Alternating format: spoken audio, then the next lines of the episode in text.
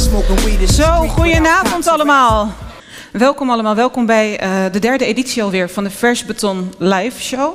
Mijn naam is Hasna El Maroudi. Ik zal jullie vanavond door de avond heen gidsen. Eh, het belooft een boeiende avond te worden, een spannende avond en hopelijk ook een inspirerende avond. Vandaag is het ook 1 juli, dat betekent dat het Ketty Kotti is. Eh, we herdenken vandaag, het woord is ook wel vieren, ik vind vieren altijd een beetje lastig, de afschaffing van de slavernij. Dus daar wilde ik graag nog even bij stilstaan. En dan zullen we aan het einde van de avond ook nog even bij stilstaan met onze eh, stadsdichter Dien Bowen. Maar allereerst graag het woord aan Eva Liuku, hoofdredacteur van Vers Beton. Een warm applaus alstublieft. Eva, je hebt goed nieuws. Ja, Heb- Heb je wel een microfoon? Nee. Kunnen jullie het goede nieuws niet horen? Vers Beton is namelijk op zoek naar supporters altijd, al een hele poos. En nu het goede nieuws. Ja, wij hebben ehm, afgelopen maand de mijlpaal eh, bereikt dat we nu meer dan 500 supporters hebben bij Vers Beton. En daar zijn we hartstikke blij mee. Wat betekent het? Wat houdt dat in, 500 supporters? Nou, ik stel me gewoon een zaal van 500 mensen voor die, eh, voor, ja, die eh, ons zo leuk vinden dat ze er geld voor over hebben en die het belangrijk vinden dat we blijven bestaan. En als ik mij dat voorstel, dan word ik heel erg dankbaar. Dat, is gewoon, dat vind ik zo indrukwekkend.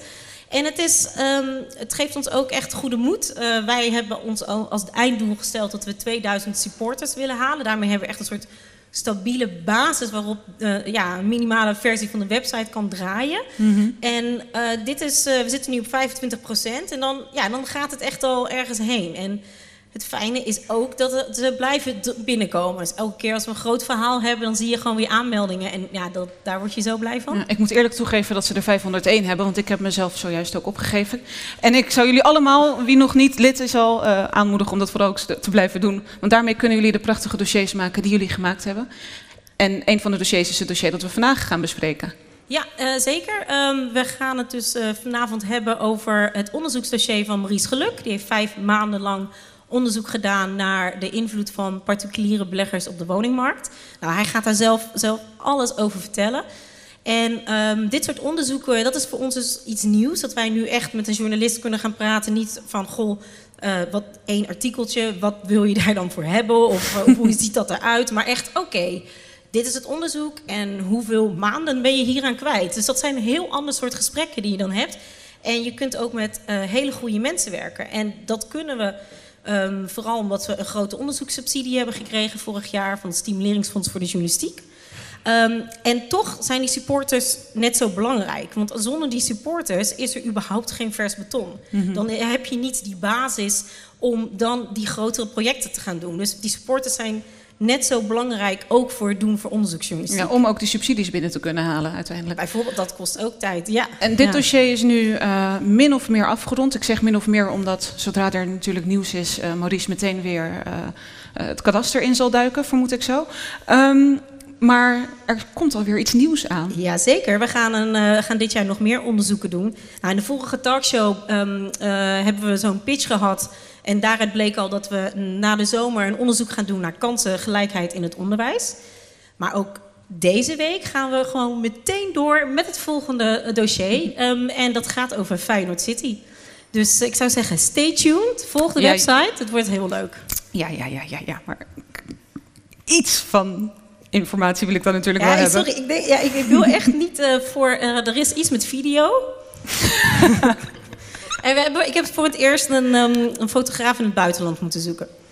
Oké, dus buitenland, video. Doen jullie het helemaal zelf of werken jullie nog samen met eh, de Open Rotterdam Eh, toch meestal? uiteraard, wij doen die hele, dat hele onderzoeksproject doen we samen met Open Rotterdam. Dus bij elk dossier eh, eh, maken zij ook hele toffe video's. En we hebben nu een extreem toffe video zijn we aan het maken. En er zit er nog een, eh, een, eh, een animator, eh, denk ik, vanavond gewoon nog uh, peentjes te zweten om het af te krijgen. Ehm, en, ehm, Dus als ik en iemand... we werken ook met dit dossier samen met Follow the Money. Dus wij hebben een aantal verhalen Mhm. die wij publiceren. En op zaterdag kan dan ook een landelijk publiek een longread lezen bij Follow the Money. Oké, dus als ik iemand ken bij Follow the Money of bij Open Rotterdam, dan krijg ik de informatie. Doe je best. Ja, je bent een goede journalist, maar ik weet niet wat ze loslaten. Okido, dankjewel Eva. Een hartelijk applaus graag voor Eva Liuko. Zo, de activiteiten van particuliere beleggers op de Rotterdamse woningmarkt nemen flink toe. Vorig jaar concludeerde de Nederlandse Bank al uh, dat in 2017 één op de vier woningen, zeg ik dat correct, één op de vijf woningen in de vier grote steden in handen is van particuliere beleggers. Daar wil ik graag over gaan praten met Maurice. Maurice, jij hebt het dossier in grote mate uh, ja, eigenlijk geleid. Kom vooral naar voren.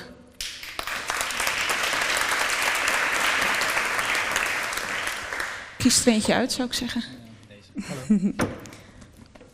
Jij deed de afgelopen vijf maanden onderzoek. Dat resulteerde in hoeveel artikelen? Um, ja, zes, zes, inhoudelijke verhalen. Zes inhoudelijke zes verhalen. En was het uh, zwaar?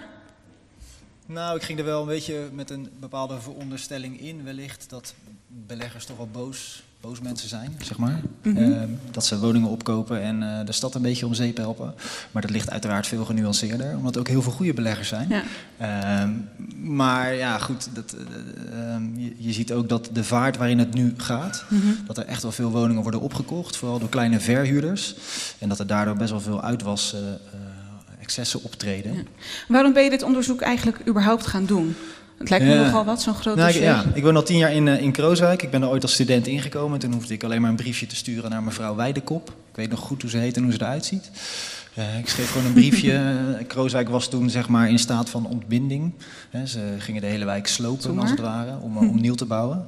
En dat werd toen een beetje door de crisis... Uh, ja, kon het onder druk te staan. Toen is door de gemeenteraad gezegd, je mag niet verder slopen, er moet eerst gebouwd worden. Heel veel woningen stonden leeg. Ik hoefde alleen een briefje te schrijven en ik kon erin, want ik was zogezegd een high potential. Uh, een, high potential. high potential. Iemand die, Iemand die studeert en uh, dat. Nog eens wat geld de wijk in zal uh, kunnen pompen. Wellicht, ja. ja. Um, maar goed, inmiddels een kindje, vriendinnetje, een tweede kindje op komst. En we wilden wel graag een, een, woning gaan kopen, maar in Krooswijk kon dat niet meer. Kwamen al snel achter. Omdat, Waarom niet? Uh, nou, er werd heel duur teruggebouwd, vanaf mm -hmm. 3,5 ton. Uh, dat is gewoon, het is, je moet je voorstellen dat, dat Krooswijk echt een oude volksbuurt is. Daar woonden gewoon oude Krooswijkers. Met een huur van, wat voor soort bedragen moet ik denken? Qua huren? Yeah. Heel veel sociale huur. was heel veel sociale huur. Ja. Ja, ja, ja, ja. Ik ben ook een scheefwoner trouwens. Uh, maar goed, er zijn heel veel woningen dus terug, teruggebouwd. En uh, er staat er nu zelfs nog één te koop voor 9 ton. Dan kan je zeggen dat is, dat is heel leuk, dat is goed voor de stad. Ja. Uh, en tegelijkertijd zie je dat ook de woningcorporatie, dit is Woonstad in dit geval, ook wel echt een ondoorzichtige uitverkoop heeft gehouden aan allerlei investeerders en ja. beleggers. Maar goed, dus jij wilde graag een huis kopen in de wijk, dat lukte niet. niet. En ja. toen ben je min of meer genoodzaakt om. Ja. En dat viel een beetje samen met dat ook mensen in mijn omgeving gingen zeggen van joh, ik ga er een pandje bij kopen. Erbij, als je gewoon een, paar, een extra woning. En uh, ja, sommige ja. mensen die hebben een andere, ander, ander pad dan, dan het journalistieke gekozen. Ja. Uh, maar goed, terug naar jouw onderzoek. Hoe, ja. heb je dat, hoe heb je dat gedaan? Mijn onderzoek? Ja. In eerste instantie dacht ik, ik ga eens met het kadaster praten. Mm -hmm. Die hebben inzage in, alle, in, alle, in al het woningbezit. Uh, en ik wilde van hun weten wie zijn nou die grootste particuliere beleggers. Dat is op zich een leuke gimmick, maar dat zou wel heel erg naming en shaming zijn. Ja. Uh, en het is ook niet dat die beleggers nu de enige partijen actief zijn op die woningmarkt. En dat die woningmarkt doet wat die doet, heeft met veel meer factoren te maken. Dat het mm. geld goedkoop is, heel veel macro-economische redenen. En dat Rotterdam ook heel erg populair is geworden. Maar heb je wel inzicht gekregen in die particuliere beleggers? Ja. Nou, ik heb in ieder geval een verhaal geschreven over wie die grootste particuliere beleggers uh, zijn. Dus toch naming en shaming? Enigszins ja, maar dat is wel weer, toch wel weer een genuanceerd verhaal. Nou, ik denk dat het goed is om te zien wie ook, men, wie ook woningen in de stad bezitten, anders dan corporaties en gemeenten. De gemeente heeft niet zoveel vastgoed meer. Corporaties wel, die hebben 44% van het woningbezit. Er staan in Rotterdam zeg maar 300.000 woningen. Um, maar je ziet wel, uh, dat blijkt ook uit de statistieken, dat die kleine particuliere verhuurders, die 1 tot 9 woningen hebben, dat zij de afgelopen 10 jaar 17.000 woningen hebben gekocht. Dus echt de kleine, kleine dan kunnen jij niks zijn. Die, ja, ja, ik niet hoor. Ik weet niet ja. hoe jouw bankrekening eruit ziet. ja, ja, maar je kan het ook, dat zag je ook aan uh, wat het Parool heeft gedaan. De Prins was ook soms voor 1 twintigste eigenaar van een pandje. Dat moet je nog even uitleggen. Want ik denk, ik weet niet of, ja, hier in Rotterdam lezen we het Parool natuurlijk niet. Nee, nou, dit was wel landelijk nieuws hoor. Het bleek dat, dat de Prins met de grote bril, zeg maar, dat hij dat die, dat vrij veel vastgoed had. Mm -hmm. ik geloof dat hij uiteindelijk 300 panden op zijn naam had staan. Dus Parool heeft ook een onderzoek gedaan naar die beleggers. Die, die woningmarkt is natuurlijk nog veel meer onder druk dan hier. Mm -hmm. uh, en hij bleek gewoon heel veel vastgoed te hebben. En het bleek ook niet allemaal even netjes verhuurd te zijn. Sleutelgeld, toch wat meer mensen erin. Mm -hmm. en hij zei, ja, ik heb afspraken gemaakt met, met het verhuurbedrijf. Zij doen het niet goed. Dus ja. dat, dat, wekt ook wel een beetje de vraag op van waar gaat jouw verantwoordelijkheid? Het zijn jouw panden, dus dan moet je er gewoon ook goed voor zorgen. Precies. Ehm, om, een Helaas geen meer, prins in Rotterdam. Nee. maar om een beetje inzicht te krijgen in eh, wat er met die woningmarkt gebeurd is eh, in Rotterdam, heb je ook een interactieve kaart gemaakt. Ja. Eh, wat Ja. kunnen we zien op die interactieve kaart? Jullie Ja, kunnen hem hier achter nu zo ook zien. wo- Woningmarkt.versbeton.nl. Geef ons, geef ons veel bezoekers.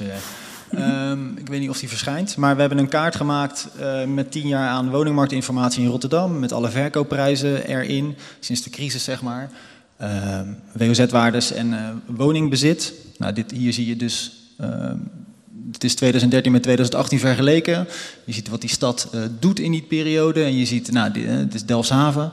eh, een populair gebied onder beleggers. Vooral Oud-Maternes is een van die wijken waar heel veel pandjes naar, naar beleggers gaan. Maar je ziet ook dat in bepaalde wijken, hè, tussendijken, met 240 procent gestegen. Het Nieuwe Westen, hele... En die 240 procent, dat is de WOZ-waarde? Nee, dat is de verkoopprijs. De verkoopprijs. Verkoopprijzen zijn dat, ja. Ja. Heftig, toch? ja. En dan zou je kunnen zeggen, 2013 was het dieptepunt van de markt. Ehm, dat klopt ook, maar ook als je het vergelijkt verder terug, tot, en met eh, vanaf 2008, dan zie je nog steeds dat die prijzen zijn verdubbeld in bepaalde wijken. Ja, en weet je ook uit je hoofd eh, in welke wijk het verschil het grootst was?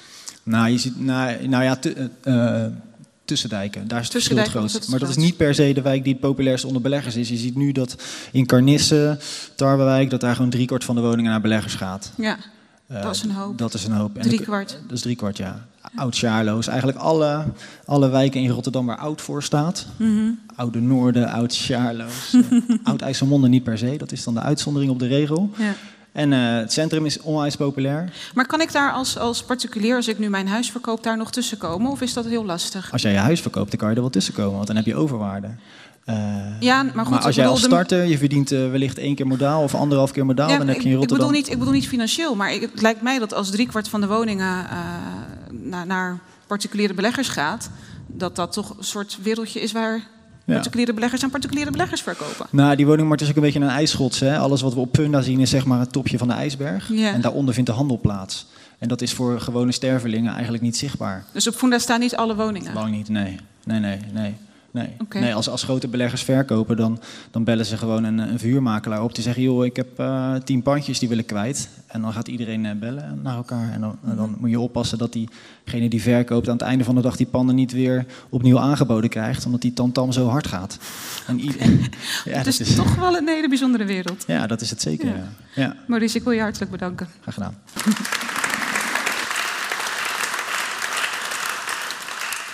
Dan wil ik nu graag de volgende gasten van vanavond eh, naar voren roepen. Ehm, en voor het publiek aan het einde van dit blok is er nog ruimte voor vragen. Dus mocht u halverwege of aan het begin of aan het einde van het verhaal bedenken... ik wil graag nog wat weten, bewaar je vraag voor het einde en ik kom zeker bij u terug. Eh, mijn volgende gasten zijn wethouder Curvers, de wethouder van Bouwen, Wonen, Energietransitie, Gebouwde Omgeving. Kom vooral naar voren. Dankjewel. Wouter van Stiphout, hoogleraar Design and Politics aan de TU Delft. Medeoprichter van Independent School for the City en Bureau voor Architectuur Historisch Onderzoek. Crimson, volle... Ja, er staan heel veel krukken, dus kies er één uit. Nee, er is zeker geen tafelschikking. Ehm, Erik Brown, onderzoeker Urban Economics aan de Erasmus Universiteit. En Mireille de Korte, portefeuillemanager bij Sipkema Onroerend Goed. Even kijken, er zijn vier microfoons, dat klopt. Zo. Nou, we zijn in Rotterdam, maar ehm, onlangs was Berlijn in het nieuws, een, een andere stad hier eh, in Europa. En in Berlijn hebben ze een, een soort slotje gezet op de huurprijzen. De komende vijf jaar mogen daar de huurprijzen niet stijgen, omdat het zo de spuigaten uitliep. Ehm, Erik, om jou te beginnen. Wat vind je van het plan van Berlijn om daar de boel op slot te gooien? Nou ja, het is een beetje. eh, het is een, nood, eh, een noodmaatregel, denk ik. Eh, de vraag is even of het in heel Berlijn wordt toegepast. Mhm. In Nederland is namelijk ook sprake van zoiets. Het heet een noodknop. Mhm. Over een, ja, ik denk over een paar weken zal het volgens mij de minister met een, eh, een toelichting komen over die noodknop. En dan gaan ze ook proberen de huurprijzen te reguleren. Mhm. niet gelijk vast te zetten, maar proberen om bijvoorbeeld een soort cap of een soort grens aan, die, eh, aan de stijging van de prijzen te, te koppelen. En is dat iets goeds? Nou ja, het hangt een beetje vanaf van hoe die markt in elkaar zit. Uh, als we het over Duitsland hebben, is die, dus de vrije huurmarkt heel anders dan in Nederland. In Rotterdam is 9% van de woningvoorraad, ik zeg 9% is de vrije huursector. Dat betekent boven de 720 euro. Uh, en daaronder is sociaal en de rest is koop. Dus 9% en daar zijn nu heel veel mensen op aangewezen. Uh, dus hier staat een ongelooflijke druk op dat segment. Uh, en daar zal de wethouder zeker ook iets over vertellen wat hij daaraan wil gaan doen. In Duitsland zie je wel verschillen. In, in Berlijn heb je ook gebieden waar de druk minder is. Uh, maar ze hebben daar heel erg gekeken naar gebieden waar wel druk is. En daar hebben ze een vrij drastische maatregel genomen om daar zo te interveneren. En ik vraag me af of het nodig was geweest, omdat je daar nog meer vastgoed hebt en veel breder aanbod voor huur dan in Rotterdam. Ja, meneer de wethouder. Bas hebben we afgesproken. Ja, jij mag Bas zeggen. Yes. Um, nee. wat, vind je van, van wat ze in Berlijn van plan zijn? Nou, ik vind in algemene zin dat de boel op slot gooien is nooit de oplossing. Wat je wil is gewoon een hele goed functionerende woningmarkt. Mm -hmm. En um, ik was heel erg blij met jouw uh, onderzoek, uh, als ik het zo mag zeggen, omdat het ook een genuanceerd beeld geeft. We zijn zelf ook op zoek naar uh, antwoorden op de vragen die jij stelt. Maar ik zat mezelf ook te bedenken tijdens jouw presentatie dat als ik mijn eigen wooncarrière er even bij pak. Ik heb ooit voor 120.000 een huisje in Zuidwijk gekocht. En die heb ik gedurende de crisis... Euro of gulden? Euro. En die heb ik ooit met 30.000 euro verlies verkocht. Mm -hmm. In de crisis? Of? Nou ja, dat is tegen het eind van uh, de crisis aan. Dat is nog geen vier of vijf jaar geleden. En het gaat zo hard dat we dat soms ook wel eens vergeten. Um, dit is een vergelijking ten opzichte van tien jaar terug. Ik denk dat we in Rotterdam uh, uh, een meer specifieke situatie hebben waarbij we uh, heel veel sociaal hebben. Mm -hmm. En jouw verhaal is ook mijn verhaal, want ik wilde ook een gezinnetje stichten en ik wilde ook groter wonen en ik kon ook niks vinden. Dus er is gewoon heel weinig te vinden op die Rotterdamse woningmarkt wat dat betreft.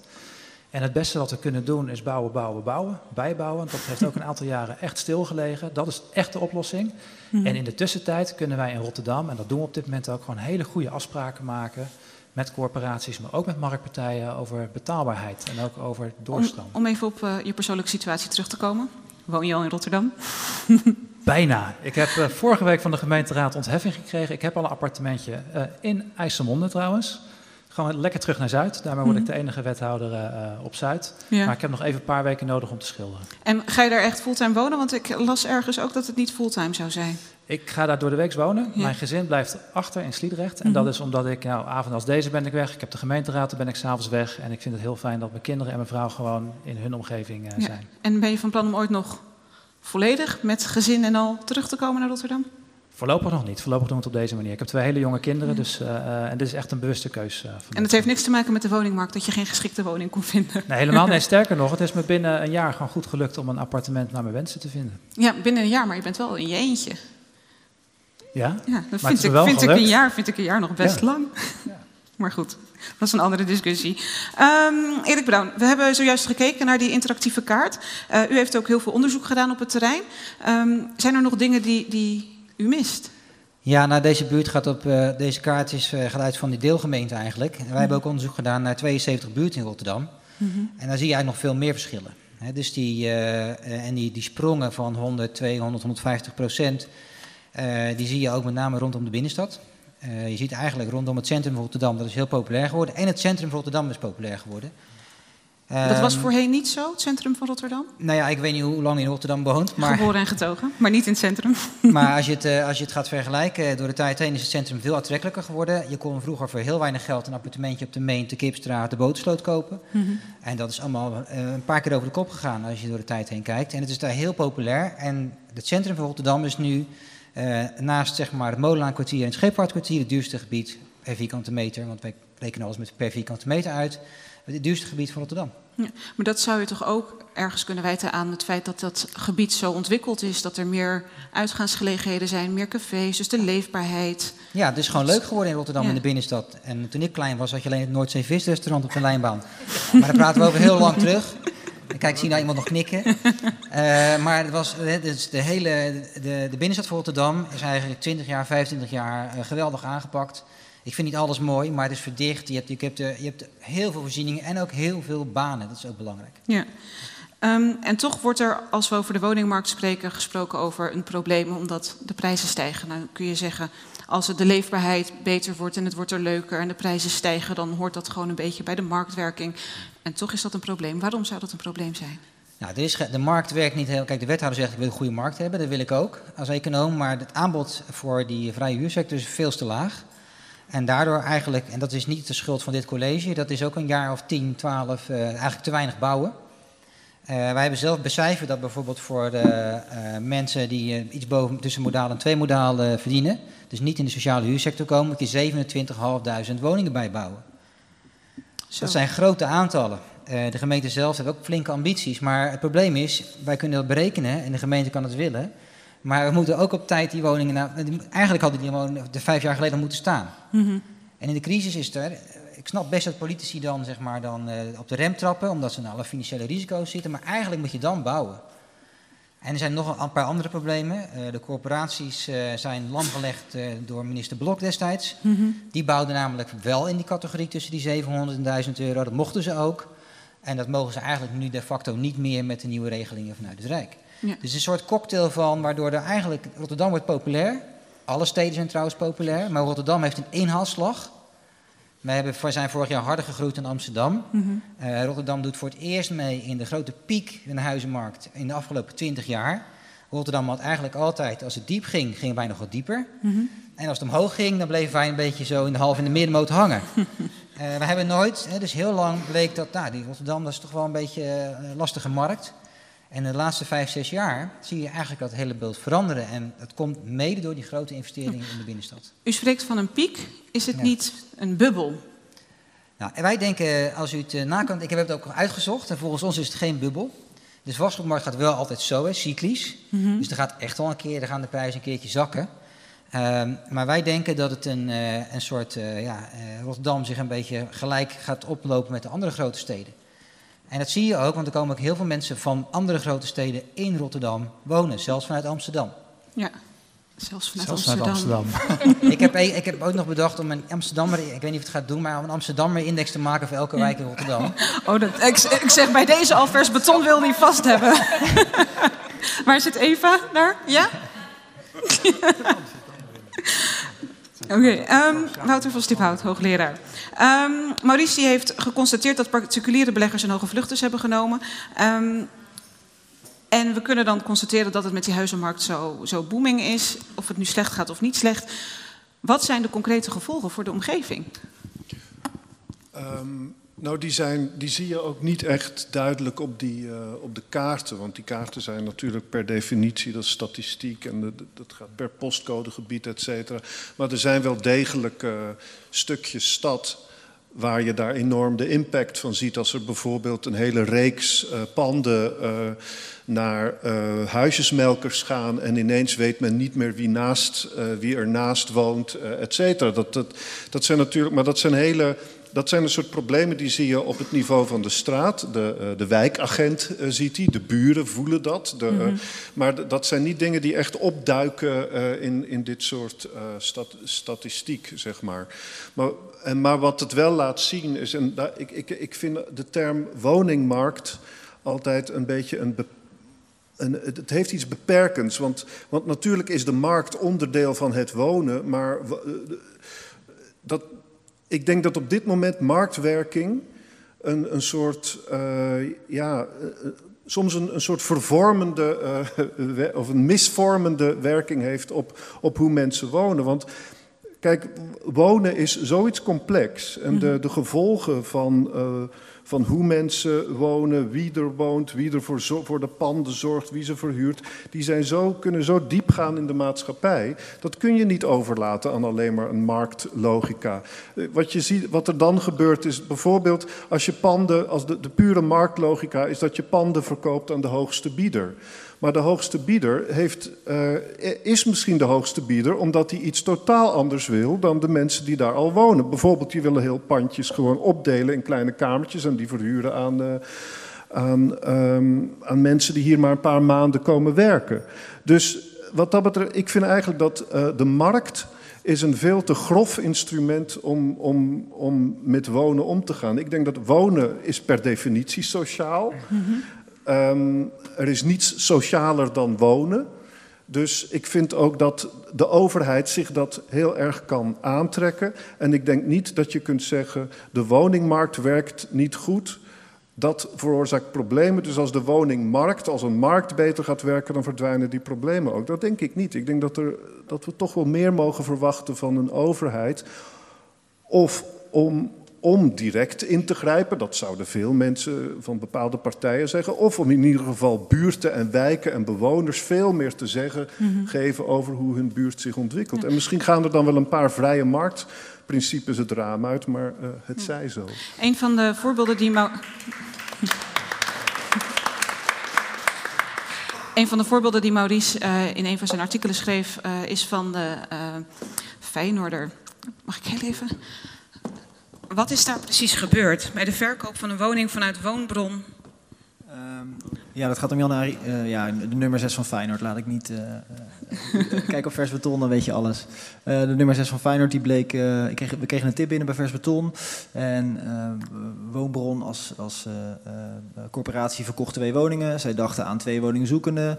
hadden ze in het kadaster gekeken, dan hadden ze gezien... dat, dat de Feyenoorder en zijn vastgoedvriend gewoon een portefeuille hadden... van toen al 30 panden. die woningen zijn opgekocht. Er is een rechtszaak gekomen. Woonbron wilde die woningen terugvorderen. Is, is mislukt. Maar wat ik treffend vind, is dat het voormalige sociale huurwoningen zijn. Die zijn verkocht, die worden mooi opgeknapt en die worden nu zeg maar, in de markt gezet uh, voor uh, huren van 2250 en 2300 euro. Kijk, dan kun je zeggen, dat zeggen die beleggers namelijk, we voegen waarde toe. Er komen hier andere mensen wonen. Uh, maar de mensen die in die straat wonen, die hebben al verschillende vaders met zoontjes, met zoons zien komen. Het wordt gewoon een studentenhuis. Hè. Gewoon... En de, de, initiële sociale huurwoningprijs uh, was 710 toen. Ja. 710 ja, naar 2250, ja, 2300 euro. Ja. Dat vond ik. Het is natuurlijk. Ik zal niet zeggen dat dit meteen een, uh, een voorbeeld is van hoe het overal gaat, maar ik vond het wel een heel treffend voorbeeld, omdat het zo pijnlijk laat zien wat er kan gebeuren op zo'n woningmarkt. Dus ik gebruik nog een keer het woord woningmarkt. Ja, precies. Uh, er was nu ook. Uh, ik vind het echt een heel groot probleem dat de woningcorporaties. Ik weet dat het hun heel lastig is gemaakt door Stef Blok en het beleid wat daaruit voortkomt. Maar ik vind dan nog dat zij het aan hun stand verplicht zijn om niet hun eigen woningen puur voor de winst te verkopen. Er was nu ook, stond ook weer een, een ik bedoel, we hebben die woningcorporaties. Natuurlijk zijn, wordt het nu door de, partij van, is door de partij van mijn buurman, is het hun ook niet makkelijk gemaakt. Maar er is wel generatie na generatie na generatie geïnvesteerd in die woningcorporaties door de maatschappij. En dat zij nu die woningen gewoon verkopen aan de hoogste bieder, aan beleggers. Er was een verhaal in de krant in Utrecht uh, dat uh, Mitros geleid door Ella Vogelaar, nota bene. Hè? Direct, directeur Ella Vogelaar is in conflict gekomen met een aantal van haar bewoners... omdat ze in één klap 22 panden verkoopt aan een uh, institutionele belegger... waar Qatarees geld in zit, et cetera. Ja. En die bewoners die wilden het zelf kopen. En toen heeft Ella Vogelaar gezegd van... ja, sorry hoor, dat vind ik te veel gedoe. Iedere keer weer zo'n 22 keer zo'n... Uh, zo'n zo'n aanbod. Ik vind het een heel groot probleem dat de woningcorporaties, allemaal geleid door mensen wat, met sociaal-democratische achtergrond, dat die nu gewoon zeggen van sorry hoor, wij kunnen er niks aan doen, we moeten wel en nu verkopen we die woningen aan beleggers. Dan zie je dus een rechtstreeks afkalven van een, van een, een reservoir aan, aan sociale woningen, woningen die sociale functie hadden. Mm -hmm waar enorm veel overheidsgeld in is geïnvesteerd. En dat wordt gewoon voor de hoogste bieder verkocht. Yes, dat vind ik een uh, schande. Meneer de wethouder, herkent u zich in... Nou, waar ik mij in ieder geval heel erg in herken, is dat het niet gaat om een woningmarkt en, en om huizen en om stenen, maar het gaat om een thuis. Mm -hmm. En een veilige basis is een plek waar je fijn voelt en waar je woont. En van daaruit doe je ook mee in de samenleving en gaat Rotterdam vliegen, om het zo maar te zeggen.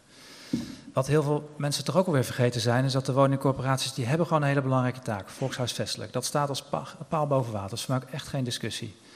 Maar ze hebben ook wel hele rare dingen gedaan in het verleden. Dat ja. zijn we ook weer vergeten. Ligt, Rotterdam ligt, daar hebben we nog een boot aan overgehouden, maar er is ook wel heel veel fout gegaan. Met, met derivaten bij Vestia. We ja. plukken er nog steeds vrangenvluchten van. Dus het is ook wel goed dat daar wat stevigere regie op zit. Um, maar moeten we wel spreken over een woningmarkt als het inderdaad gaat over thuisvoelen en huisvesting? Nou ja, want een, een, uh, uh, kijk, dan ga ik een wat minder liberale uh, uitspraak doen. Een, een, dysfunctionerende markt heeft ook een sterke marktmeester nodig. En dat is vaak toch de overheid. En daar kun je wel degelijk in sturen. Dus wij zijn nu ook, ik koop, ik heb, beheer ook de gemeentelijke vastgoedportefeuille, meer dan 3000 panden in beheer. Ik koop ook wel eens aan, strategisch van partijen waarvan we denken, nou dat is niet goed of dat kan beter in de buurt. Mhm. Uh, wat we als stad ook doen is nu een onderzoek naar Canisse. Dat is een van de wijken waar we heel veel mutaties zien, omdat we echt willen weten wat gebeurt daar. Dus we willen weten wie koopt de panden, met welke intenties, waarom, welk verdienmodel gaat erachter uh, schuil. Ik, uh, misschien is het ook wel goed om te zeggen dat we in Rotterdam, denk ik, voor de unieke, uh, in een unieke positie zitten om een inclusieve stad te bouwen voor de toekomst. Mm -hmm. Wij zijn niet te laat.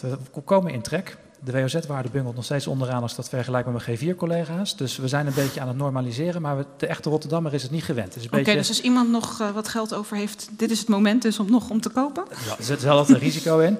Maar wat we nu doen in de stad, dat is het beleid wat we maken per wijk maken we, op, maken we een gebiedsatlas waarin we kijken hoe ziet die woningvoorraad eruit, voor welke prijssegmentering is de ruimte. Mm. En op basis daarvan bepalen we, moet er sociaal bijgebouwd worden, mag een corporatie wel of niet verkopen of moet dit bezit juist vasthouden. Maar goed, er wordt toch al best lang geroepen dat er te weinig sociale huurwoningen zijn en er zijn allerlei plannen om bij te bouwen. Ja, dus niet, het... niet in Rotterdam. In Rotterdam wordt al jaren geroepen dat er te veel zijn en dat we iets anders moeten terugbouwen. Ja, misschien wel door de politiek, maar door de bewoners van uh, Rotterdam. Ja, nee, dat herken ik niet. Kijk, Rotterdams verhaal is ook het, het, verhaal van wooncarrière willen maken en dan je stad uitverhuizen naar Barendrecht of naar Spijkenisse, omdat je hier niet die wooncarrière kan maken. Mm -hmm. Kijk, als je 70% goedkope sociale voorraad hebt, waar we ongeveer op zitten, en dan 44% is corporatiebezit en de rest zit inderdaad bij ook institutionele beleggers, soms hè, onze eigen pensioenfondsen, laten we dat niet vergeten. Er zijn gewoon goede beleggers, daar, daar eten wij later ons boterham weer van.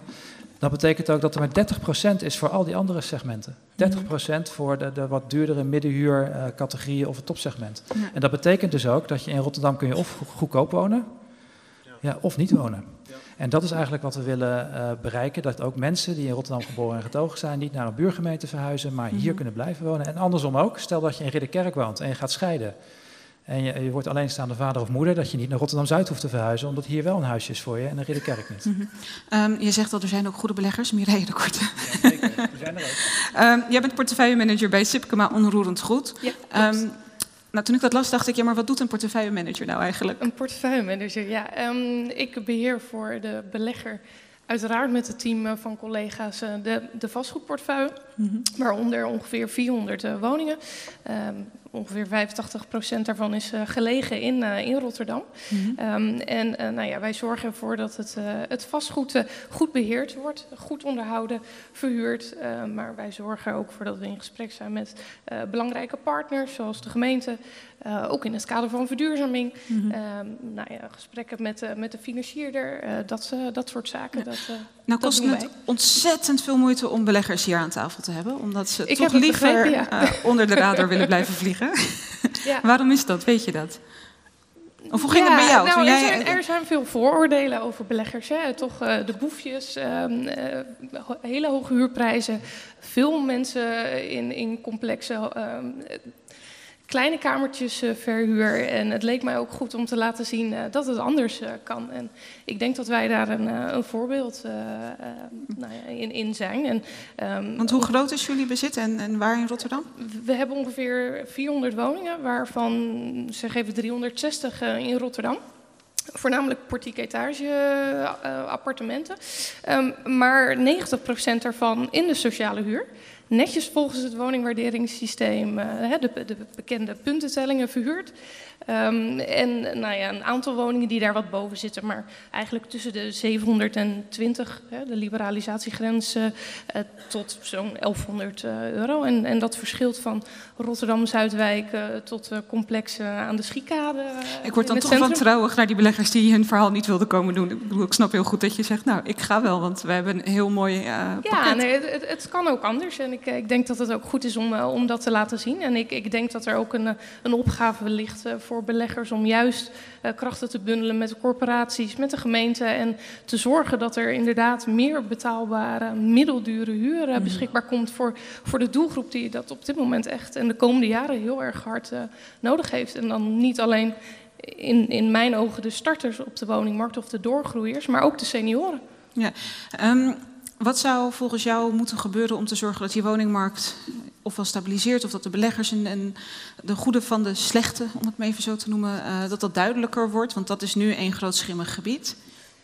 Um, ja, ik, ik, denk dat de beleggers, nou, gauw zeggen we blijven liever op de achtergrond, we hoeven niet zo, zozeer in het nieuws. Maar um, nou ja, wat ik al aangaf, ik denk dat het goed is dat dat de partijen, de beleggers, de gemeenten, de corporaties, uh, nou ja, de krachten bundelen. En, en, en, daar mag wel wat meer over in de publiciteit. En ik, ik denk dat dat ook aan beleggers zelf is om uh, daar wat meer mee naar buiten te treden. En over ja. wat voor soort zaken zit je met uh, de gemeente aan tafel? Um, voor bijvoorbeeld een, een nieuwbouwontwikkeling in het Oude Noorden hebben we een kantoorlocatie die we graag willen gaan, gaan slopen en daar middeldure huurwoningen willen gaan realiseren. Mm -hmm. Inmiddels is de uh, getekend en, loopt daar een uh, nou ja, vergunningsprocedure. Uh, nou, in, in, dat kader zitten we met de gemeente, met de gebiedsmanagers en projectmanagers aan tafel. Um, vanuit de gemeente is er ook een nieuwe regel opgesteld waarbij we 20% van de nieuw te ontwikkelen woningen voor een periode van 10 tot 15 jaar in de middeldure huur moeten houden. die woningen mogen we ook niet uitbonden. Uh, dus die, die blijven ook gedurende die periode uh, echt in die huurcategorie 720 tot 1000 euro. Mogen wel mee indexeren, maar uh, nou ja, in dat kader. Maar ook Vind voor... je dat fijn? Of is dat fijn? Of is dat iets waar dan toch nou, weer kritiek in, vanuit is? In, in dit bedoel, geval kwam je die heel laat. maken. in dit geval kwam de regel eigenlijk toen de handtekening gezet moest worden onder de anterieure overeenkomst. dus dat zorgde er wel voor dat de architect terug moest naar de tekentafel en wij terug naar onze financierder. Want, het had wel impact op de waarde. En uh, nou ja, met uh, de stijgende of enorm hoge en nog steeds stijgende bouwkosten was dat voor ons en is dat nog steeds wel een, een, lastige opgave. Waarvan we denken van nou, dat, we hebben al zoveel sociaal en middelduur. Hadden we dat niet op een andere manier aan moeten pakken, gemeente? Hadden we daar niet nou ja, met elkaar in gesprek over moeten gaan? In plaats van het is nu een verplichting. ik ik zie ja. je naar me. Ja, ik, het klinkt misschien gek, maar hier zit op dit moment een hele blije wethouder. en dat komt omdat die betaalbaarheid is volgens mij iets waar iedere Rotterdammer zich zorgen over maakt. En wij als college hebben ook gezegd, en ik heb gezegd, daar moeten we dus werk van maken. En een van de dingen die we inderdaad doen bij nieuwbouw, afspraken maken over het fixeren van de huurprijzen over 15 jaar in de middenhuur. En dat is een hele forse marktingreep. Jij zei, wat, wat vind je daarvan? Wij hebben met diverse partijen gesprekken gevoerd uit de markt. En die waren er niet altijd blij mee, maar ze beseffen ook, uiteindelijk is de stad, wordt er beter van. Het wordt een spannendere stad als iedereen er nog steeds kan blijven wonen. En als we dit vrijlaten, dan schiet alles naar dat hele hoge segment toe. En dan ja. ben je die spanning van Rotterdam, dat rauwe randje, raak je kwijt. Dat willen we niet. Dus er wordt ook uh, actief aan meegewerkt. En ik vind het dan heel gaaf dat wij in uh, de gemeenteraad nog geen twee maanden geleden dit beleid hebben vastgesteld. En jij nu al zit te vertellen hoe het werkt in de praktijk. Ja, nou, ik, ik ben overigens wel erg benieuwd hoe jullie uh, dat uh, gaan, gaan toetsen straks. Um, en, en, nou ja, de, hoe, hoe dat in de gaten gehouden gaat worden. Of, of verhuurders zich daar ook echt uh, aan houden. Dus enorm daar, veel papierwerk met zich Ja, daar, daar, ben ik nog wel erg. dat gaan we gewoon goed controleren, dat kan ik je beloven. dat is goed. Zeker. nog even over die betaalbaarheid. Ik denk want dit soort dingen zijn heel goed, dit soort projecten. Er moet, hoe meer erbij gebouwd wordt in de uh, betaalbare uh, huur, uh, hoe beter. Overigens zou ik ook willen dat er gewoon veel meer, veel goedkoper gebouwd zou kunnen worden. veel goedkoper gewoond zou kunnen worden. Want um, ik vind het, het is eigenlijk heel gek dat je, als je stel je hebt veel geld, dan je kunt wel naar de Lidl. Ook al heb je dus niemand die jou bij de Lidl controleert of je, uh, uh, of je wel weinig, of je wel arm genoeg bent.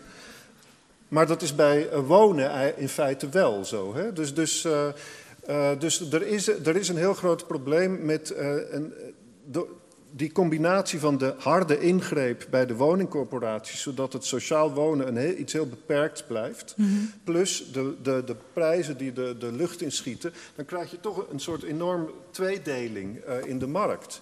En dan wordt dat deel financieren wat goedkoop is, dat wordt dan van overheidsgeld. En dat zorgt er dan wel voor dat mensen denken van nou van mijn belastingcenten, et cetera. Dus ik denk ook dat is alleen al iets wat, dat zorgt voor heel veel spanning in de maatschappij door het, het, het, steeds verder inkrimpen van, die, van dat uh, reservoir aan sociale, wat nu de sociale goedkope en dus sociale woningbouw is, uh, krijg je bijvoorbeeld ook dingen als als er dan uh, statushouders gehuisvest moest, moeten worden. Mm -hmm. En die moeten wel, voor, die moeten bijna wel voorrang krijgen, want die komen ineens hier met een heel gezin. Die hebben net zoveel recht om in, in Nederland te wonen als wij allemaal. En die moeten dan ergens kunnen wonen. En dan ineens, ja, dan worden ze in feite al uitgespeeld tegen de bewoners van buurten die, zitten, die op wachtlijsten staan, et cetera. En dat is ook een voorbeeld van Mhm. hoe, hoe een, eh, het steeds verder indammen van een reservoir aan goedkope woningbouw, hoe dat echt leidt tot spanningen in de maatschappij. Nou, een van de dingen En- die de wethouder net zei is dat er eh, bouwen, bouwen, bouwen. Hè? Er ja, moet meer ben gebouwd ik heel worden. erg voor. Ehm, Maar dat is niet genoeg, want bijvoorbeeld, als je ziet bijvoorbeeld, eh, er zijn ook gewoon structurele dingen en dat kan deze wethouder pas oplossen als hij, wie weet, ik weet niet of de wethouder landelijke ambities heeft. Ik hoop het wel, op, maar, eh, ehm, want ik vind het een goede wethouder. Ehm, nou, die mag je in je zak steken. Dat zeg ik, dat heb ik nog. Dit zijn woorden die ik nog maar heel zelden heb gebruikt. Maar ehm, bijvoorbeeld de hypotheekrenteaftrek, eh, de, de lage. re- et cetera, Dat zijn dingen die, die zijn rente. zo'n enorme kloof aan het, Ja. eh, aan het creëren tussen de haves en de have-nots. Mhm. Ik bijvoorbeeld, ik heb mijn huis in de goede tijd gekocht. Ik betaal, nou, ik betaal, ik heb nauwelijks maand, maandlasten op, op mijn huis. Ik woon in een prachtig groot huis. Oké, het is in Schiedam. Eh, eh, ehm, zelfs, zelfs Schiedam is tegenwoordig, zijn de prijzen aan het stijgen. Terwijl mijn studenten in Delft Ja. betalen meer per maand Voor een kamertje. voor een kamertje. En dat levert hun straks helemaal niks op. Dus ik, zou, ik denk dat het ook voor de creativiteit en de innovatiekracht van Rotterdam gewoon slecht is. Dat mensen op zo'n jonge leeftijd, dus de starters op de woningmarkt, al zo'n enorm aandeel van hun inkomen aan puur alleen maar aan wonen moeten besteden. Stel Ja. je voor waar ze die tijd en die aandacht en die, dat geld nog meer aan zouden kunnen besteden als het wonen wat re- een wat relaxtere wereld was. Maar nu levert het gewoon veel te veel spanning en ellende en onzekerheid op. en een tweedeling in de maatschappij. Daar, daar maak ik me zorgen om. Erik, ik zie dat je wil Ja, ik, reageren. wil, ik wil een paar dingen erover zeggen. En de eerste gaat het over, over die nationale component. Eh, we subsidiëren sociale huur en we subsidiëren koop. Ja.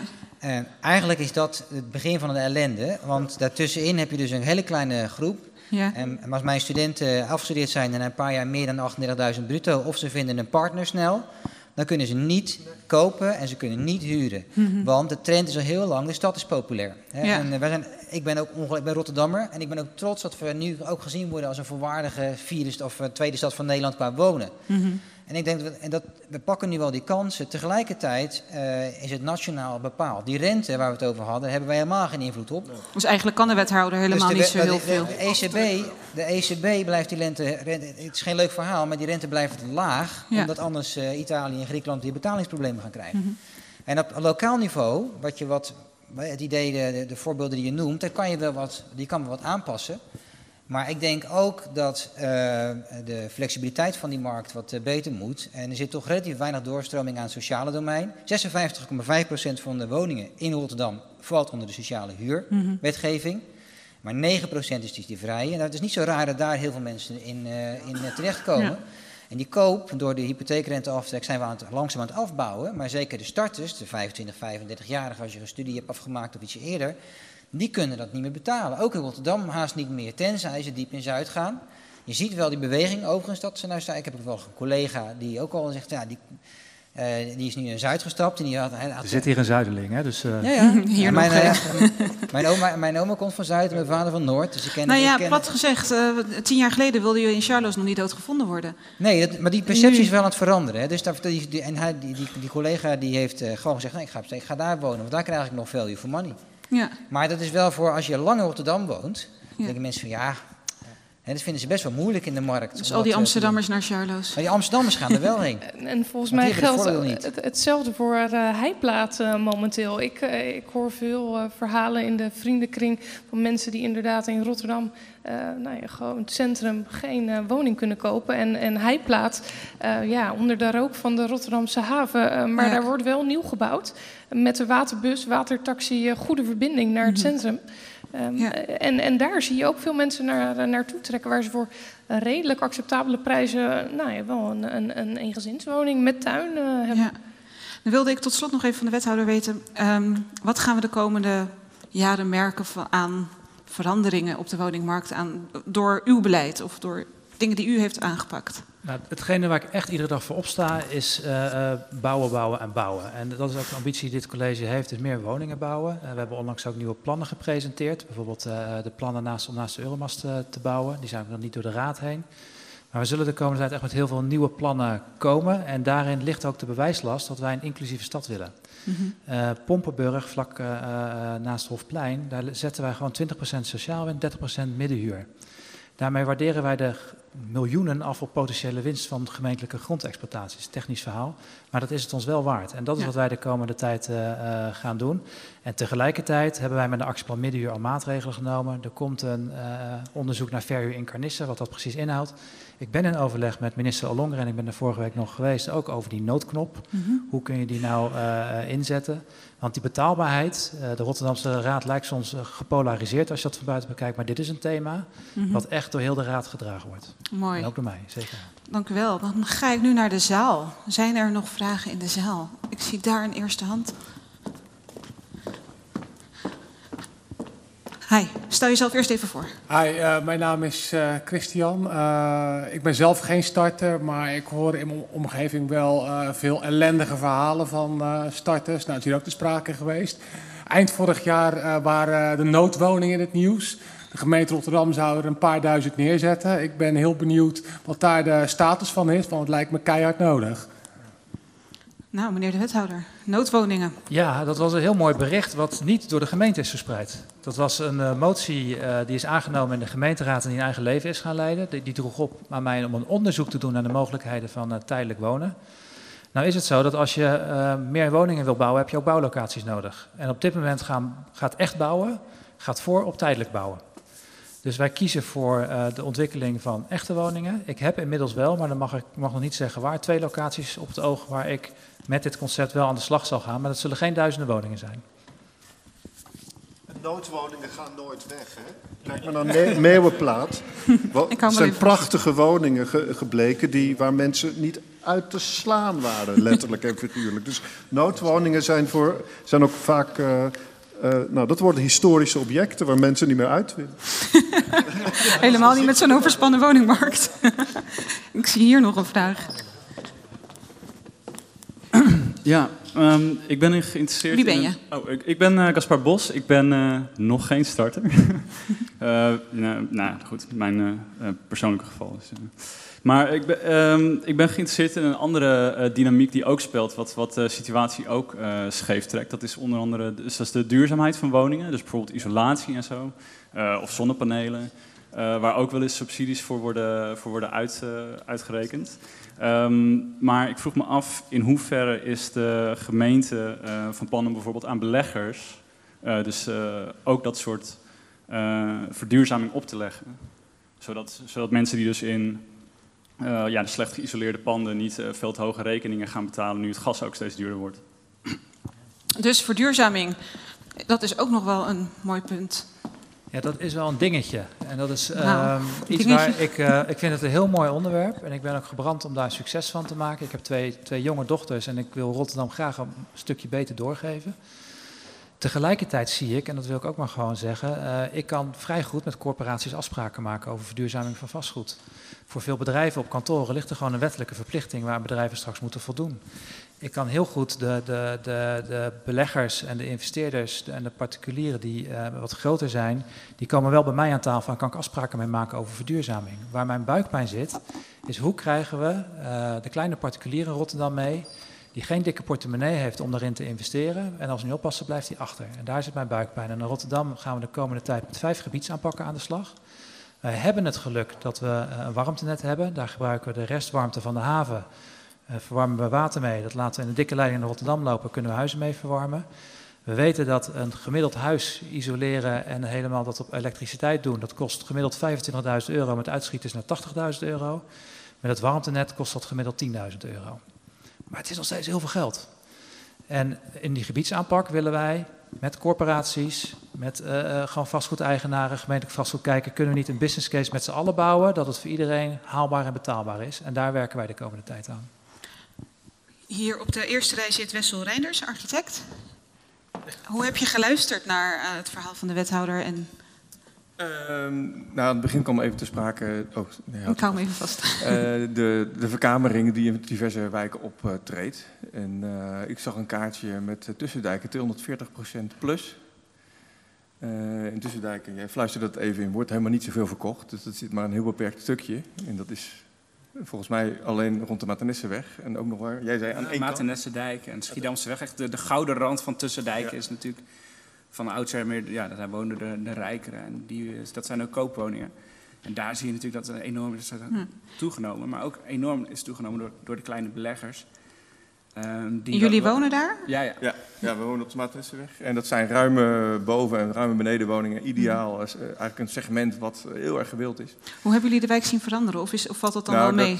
Uh, nou, de wijk komt natuurlijk van heel ver Maternesseweg, uh, tussen mm. dijken in het algemeen. En dat gaat een e-, enorm de goede kant op. En waar de wijk mee gebaat is, is met betrokken bewoners mm. slash eigenaars. maar wat je nu ziet gebeuren is dat de, nu panden worden eh, gekocht door, eh, door beleggers en uh, ernstig verkamerd te worden. Mm -hmm. Dus er komen studenten in? Ja, studenten. ja, ze noemen het anders young professionals, weet ik wat. Maar ze werven onder studenten uit Leiden en Delft. Dus, Erik? Ja, nee, dat, dat, klopt ook wel. En er is zoveel rendement te realiseren op dit moment in deze schaarste. En die schaarste die is nationaal gecreëerd. En populariteit van Rotterdam er bovenop. in een soort formule dan zie je dat uh, als mensen de kans krijgen dat nu zullen gaan doen, en het zijn voor studenten, het zijn voor young professionals, uh, want ze kunnen daar per vierkante meter de maximale opbrengst krijgen. Dus ik denk dat die, de, de, wat de wethouder net zegt, afspraken maken met partijen wie wel en wie niet. En ik wil ook wel toch wel een lans breken voor de belegger, voordat iedereen daar denkt dat de beleggers, mijn buurvrouw is heel dapper om hier te zitten, heeft een mooie portefeuille. Er zijn veel meer van dat soort partijen die wel degelijk verantwoordelijk met hun vastgoed omgaan, die onderhoud doen, die ook normale huren uh, blijven doen. Maar uh, als je in deze schaarste krijgen dus ook partijen die zien, ja, ik kan binnen een paar maanden heel veel geld verdienen. Alleen maar door een pand te kopen en weer aan een andere, aan een andere partij te verkopen. En of het te verhokken, te kleiner te maken en de maximale prijs per vierkante meter te realiseren. En ik denk dat je daar echt moet oppassen in, dit soort in deze markt. Want het is nog steeds een markt, of je nou wil of niet. Alleen met heel veel overheidsinterventie aan allerlei kanten, waardoor het nog schaarser wordt. En dan gaan de mensen, daar komen hier mensen, er komen gelukzoekers en speculanten op af. En dat is volgens mij het probleem. Maar daar zijn Amsterdam is daar nu regels aan het formuleren. Ho, ho. Ja. Amsterdam is daar nu regels voor aan het formuleren. Bijvoorbeeld uh, quota voor panden en quota voor buurten. Van ja. hoeveel er maar verkamerd mag worden. En, en de verplichting van losse huurcontracten in plaats van samen als woongroep. Ja. Een, wat een maas in de wet is. dat verhuren. Hoe zit het in Rotterdam? Hoe, ik denk dat, dat, je er snel mee moet zijn. En gewoon uh, even op de kopieermachine leggen wat ze in Amsterdam aan het doen zijn. Dat is een, een snelle oplossing, de kopieermachine. Um, nou, in plaats van zo'n uh, handhaven, misschien is er nog wel iets. Kijk, ik vind het doodzonde wat er gebeurt met, de Mate, met die Matenesserweg. Want ik heb ook heel lang in Tussendijken en in Bospolder uh, gewoond. En uh, in, in de allerslechtste jaren, zeg maar. En ik ben er uh, weggegaan, niet, niet gevlucht, maar ik heb het daarna zien opkomen. Die, die Matenesserweg, mijn, mijn, mijn huisarts woonde, woont er nog steeds, dokter Vrolijk. En, uh, en, en, en dat soort mensen zoals jullie, zoals dokter Vrolijk, die er nog veel langer woont waarschijnlijk. dat was echt ongelooflijk hoe die er maar bleven wonen in die wijk. Ook al ging het echt heel slecht met die wijk. Nu komen er mensen zoals jullie zijn er gaan wonen. Jullie maken er wat van. En dan van diezelfde uh, positieve energie wordt nu misbruik gemaakt in feite door die beleggers. Dus ik vraag me af aan de wethouder. Is het niet mogelijk om ook de bewoners van zo'n straat, die wel echt betrokken zijn, om die daar een soort zeggingschap of in ieder geval een soort invloed te geven? Te in, verenigen. In, in, het te claimen van, van uh, niet dat er gelijk een soort uh, ballotagecommissie moet komen, wie er wel maar, of niet maar dat de, dat de bewoners, of eigenlijk waarom eigenlijk niet, maar, de, uh, maar dat de bewoners van zo'n, van zo'n straat gewoon ook iets te zeggen hebben en iets te, het recht hebben om iets te weten over wie daar woningen koopt en wat hij daarmee van plan is. Is het niet mogelijk dat de gemeente die mensen helpt om hun eigen straat te claimen? Jeetje, er is nu heel veel gezegd. Ja. En uh, misschien e-, eerst even uh, in algemene zin. Bouw- en woningtoezicht krijgt gewoon een signaal wanneer meer mensen dan drie zich inschrijven op een adres. En dan gaan we uh, op bezoek. In dit geval zit er een maas in onze regelgeving. En wat zij hebben ontdekt is dat wij voor een studentenkamer moet je een vergunning aanvragen. En dan zeggen wij ja of nee. en dan kan de buurt daar hè, ook nog wat van vinden. maar in dit geval zeggen zij, wij zijn een woongroep. En wat is dan een woongroep? Dat is een groep van mensen die samenwoont zonder dat zij direct familie zijn. Wij zijn op dit moment aan het handhaven. En dat gaat tot op het niveau van deel je je boodschappen wel? Zitten er geen sloten op de deur? Mogen we even binnenkomen? Uh, zijn jullie echt lid van allemaal van dezelfde studentenvereniging? En blijf je, eh, of, of, is het to toeval dat jullie hier komen? Uh, wij zijn aan het handhaven en we zijn daarmee bezig ook met een nieuw beleidskader. Ik vind wel in algemene zin dat mensen in de wijk mogen natuurlijk prima weten wat er in de wijk gebeurt. Ik denk dat het heel belangrijk is om een goede voorlichting te hebben. En ik weet dat dat goede ontwikkelaars, die hebben daar ook belang bij. Die willen dat hun ontwikkeling gedragen wordt. Uh, tegelijkertijd vind ik wel dat je niet een ballotagecommissie in de straat moet, moet hebben. Uh, juist in een stad waar je spanning wilt en ook bijzondere doelgroepen wil huisvesten, of mensen met een kleine portemonnee wil huisvesten, moet je dat ook wel vrij laten. Ik heb bijvoorbeeld ook andere problemen als wethouder. Um, ik ben vandaag op werkbezoek geweest. Zullen we bij... ze niet allemaal gaan nee maar, nee, maar het is wel heel relevant, want we hebben ook nog doelgroepen als dementen, oud-verslaafden die we kwijt willen. Mm -hmm. En als ik iedereen een zeggenschap erover geef, krijgt die doelgroepen krijgt geen plekje meer in de stad. En u noemde de huisarts. We zijn nu heel erg aan het kijken naar betaalbaarheid van woningen hier in deze setting. Maar waar gaat de huisarts zitten waar al die mensen naartoe gaan? Waar, gaat, waar komt nog een culturele instelling? Waar komt de bibliotheek nog? Hoe zorgen we ervoor dat er. Want, want die wijk gaat niet, moet niet alleen een woonfabriek zijn. Dat moet een plek zijn waar je gewoon kunt ontwikkelen en waar je uh, nou, interactie hebt tussen mensen. Yes, dan wil ik hier graag naar de laatste vraag. Goeiedag, uh, ik ben uh, Annemarie Zirkzee en ik woon op dit moment anti-kraak in Hoogvliet. Ik ben geen starter. Ik ben ook geen student. Um, het is voor mij, en ik weet dat er een heel aantal mensen zijn in mijn uh, positie, ontzettend moeilijk om aan een huis te komen. Uh, ik zie nergens in de krant of in wat voor onderzoeken of, of uh, publicaties dan ook, zie ik mijzelf als onderdeel van een doelgroep terugkomen. Um, ik vertel mijn situatie wel eens aan, aan mensen, wijkteams, bewoners. En die zeggen dan allemaal: Goh, ja, vluchtelingen krijgen wel een huis en jij niet. Dus die tweedeling waar jij het er net over had, die, die, die, ja, ik zie gewoon dat dus door de situatie waarin ik en velen met mij hoor zitten, krijg je die tweedeling. Dat is één, wat ik even in wilde brengen. Ik wil daar graag een reactie en op. Een vraag. En de tweede, nou, ik wil daar graag een reactie op. En het tweede is, um, ik ben gescheiden en heb best een, uh, een uh, stukje van de overwaarde, ook een beetje meegelift zeg maar, met, uh, met de ontwikkelingen in de woningmarkt. Um, en ik wilde een pand kopen om daar een sociale onderneming in te beginnen. en dan heb ik dus ook last van particuliere investeerders. Want die kapen dit soort panden die ik nou, met moeite had kunnen betalen, gewoon voor mijn neus weg.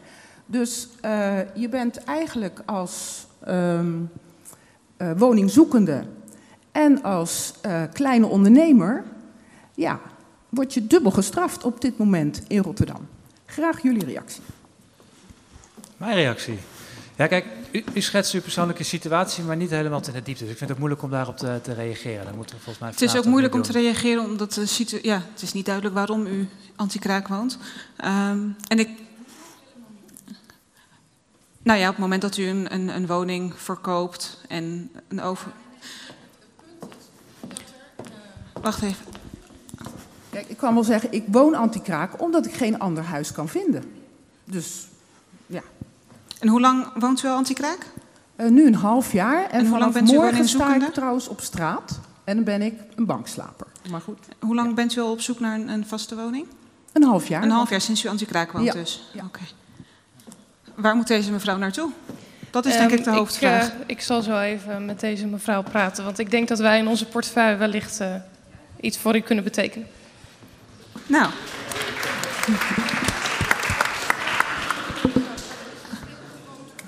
Ja, dan wil ik jullie alle vier hartelijk bedanken. Mireille, Erik, Bas en Wouter. Hartstikke bedankt. Traditiegetrouw zijn de beste stuurlui vanavond ook weer aanwezig. Zitten ze al op hun plek? Ho, ho. Ja, daar zitten ze, daarboven. Luisteren? Ja, maar ze zitten me niet aan. Dus dat oh, niet. um, de beste stuurlui is het opiniepanel van Vers Beton. Um, nu zitten ze boven. Mag ik een hartelijk applaus voor Awes Hassan en Ferry Weda.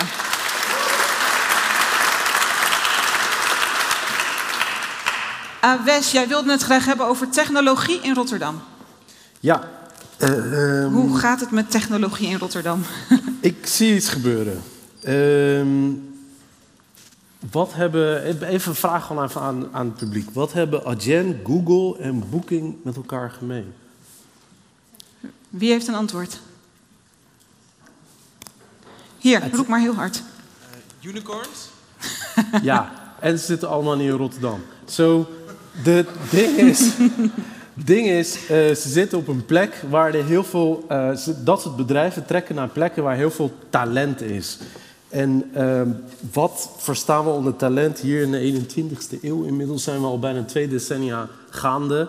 Ehm, dat is toch de kracht, zeg maar, om eh, mee te gaan in de IT-techhoek. Als je kijkt naar het onderwijs hier in Rotterdam, dan zit, is, is dat heel treurig gesteld. Want op WO-niveau kun je hier informatica studeren en de HBO-opleiding die staat in de boeken als 's lands slechte, slechtste. Dat is slecht, hè? Matig. Heel matig. Eh, willen we dus zeg maar meekomen met de rest van de wereld, eh, dan is het echt keihard nodig dat wij investeren in goed IT-onderwijs. Eh, dat is één aspect. Tweede aspect is ehm, de digitale overheid. De gemeente Rotterdam is best wel groot qua organisatie. En zo'n gemeente, dat gaat steeds meer en steeds groter technologie een rol spelen. Ehm, de invulling van technologie en hoe al dit soort bedrijven eh, werken, eh, de ecosystemen eh, en ook hoe de overheid daar gebruik van maakt, dat is onze toekomstige, dat kan onze toekomstige haven zijn, bron van groei. Is dat Ehm, ook de reden dat je het zo belangrijk vindt? Want ergens denk ik, nou ja, als het niet in Rotterdam kan, dan kan het in Leiden of in Amsterdam. Zover is het allemaal niet. Nederland is een klein land. Ja, kijk, we, we hebben het nu over de woningmarkt en dat het zo goed gaat en dat mensen naar Rotterdam trekken. Eh, maar als je kijkt naar wat grote bedrijven aan het doen zijn, dus vooral naar plekken trekken waar er gewoon heel veel talent is. Eh, we, internationaal gezien hebben we vooral het geluk dat we in de buurt van Amsterdam zitten. Als we dat geluk niet hadden, geloof me, eh, dan hadden we echt een stuk minder bedrijven eh, wat hierheen zou komen. Dit is gewoon iets waar we echt keihard op moeten investeren. En misschien wel iets serieuzer dan eh, in klimaat, bijvoorbeeld. Ja, nogal. Maar ehm, zou je dan zeggen, laten we daar een speciale wethouder voor aanstellen? Bijvoorbeeld. Maar ja, er zijn er al tien, geloof ik. Er zijn er al tien, maar dit is zoiets serieus. Eh, eh, ja, technisch onderwijs. Mhm. Eh, de haven heeft er profijt van. Iedereen die geneeskunde studeert heeft er profijt van. Verder hebben we vooral heel veel economen en bedrijfskundigen en psychologen en sociologen in deze stad. Maar die kunnen helemaal niks maken wat van waarde is in de tegenwoordige tijd. Ik denk dat je... Ik ben zelf econoom, hè. Ik bedoel, ik... En Misschien meer een soort samenwerkingsverbanden zou ik dan haast voor willen pleiten. ja, juist. Om nou al die kennis weg te Het gooien. versterkt. Ja, dankjewel. Sabes Hassan. Ferry, ehm, om terug te komen op het thema wonen. Jij woont in de wijk Koolhaven-eiland en onlangs bezocht je een bijeenkomst over de plannen met betrekking tot het Koolhavenpark.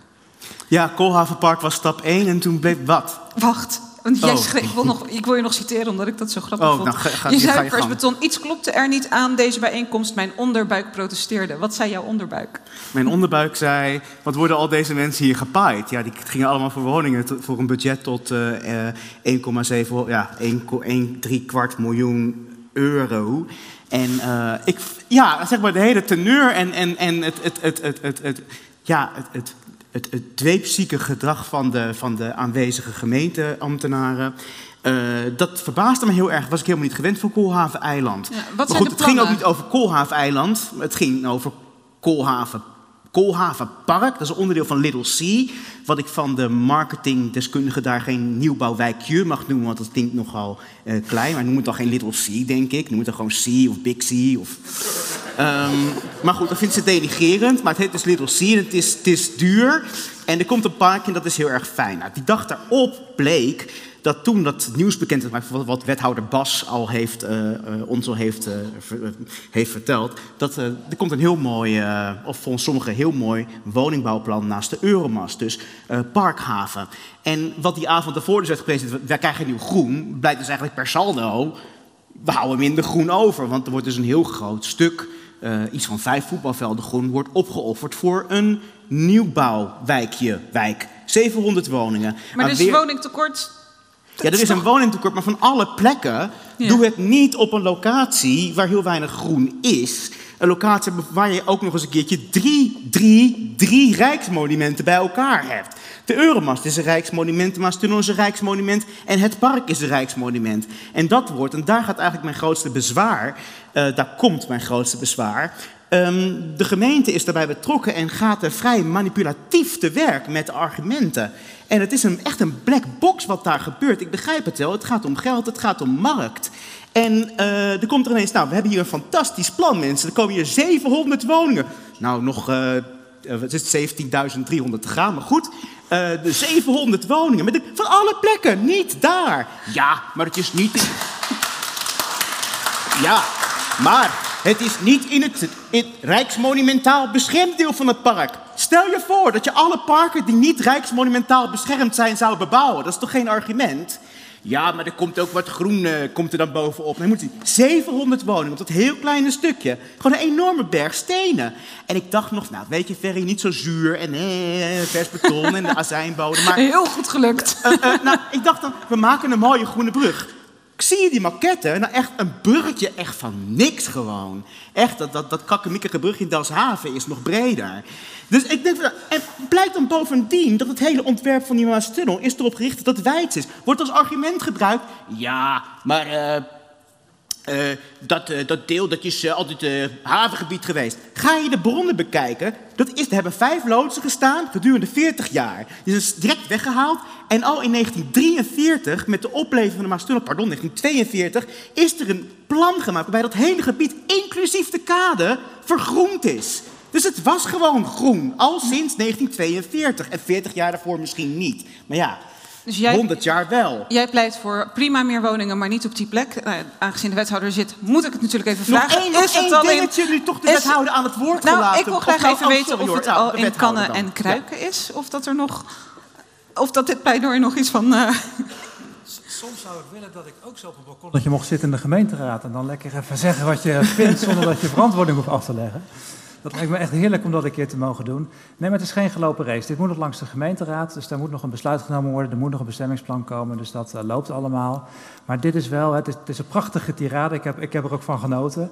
Maar de essentie is natuurlijk wel, iedereen wil die woningen, maar niet bij hem in de achtertuin. En als wij die stad willen verdichten, als wij meer woningen willen, dan zullen sommige mensen ook moeten accepteren dat er gebouwd wordt in de omgeving. Maar goed, dit gaat niet over de achtertuin, dit gaat over de locatie, zijn het midden van ja. uh, allerlei rijksmonumenten. Dit gaat over een prachtige locatie. Je kunt bouwen, uh, we bouwen niet in het park, want het is een rijksmonument, dus altijd ernaast op de kade.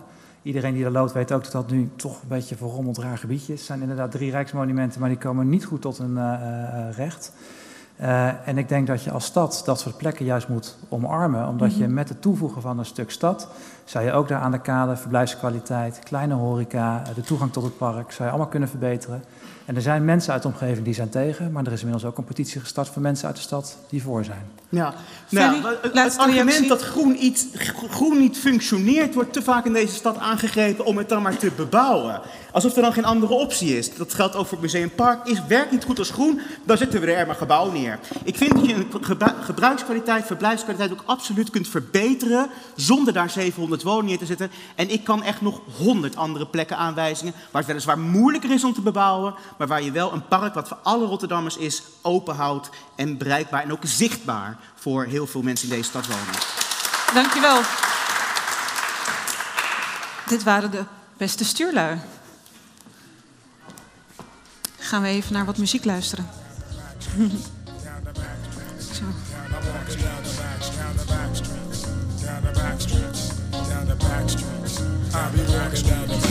Yo, here goes some info on my flow and how I move. Zo. Dean Bowen the down is dichter the en performer. Eh, en in 2018 debuteerde hij met de bundel Bokman.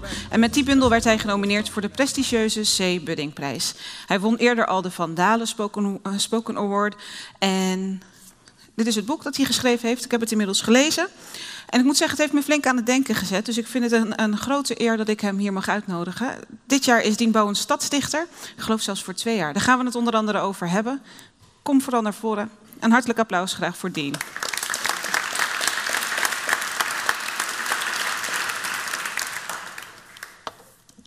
Zo, hoe is het?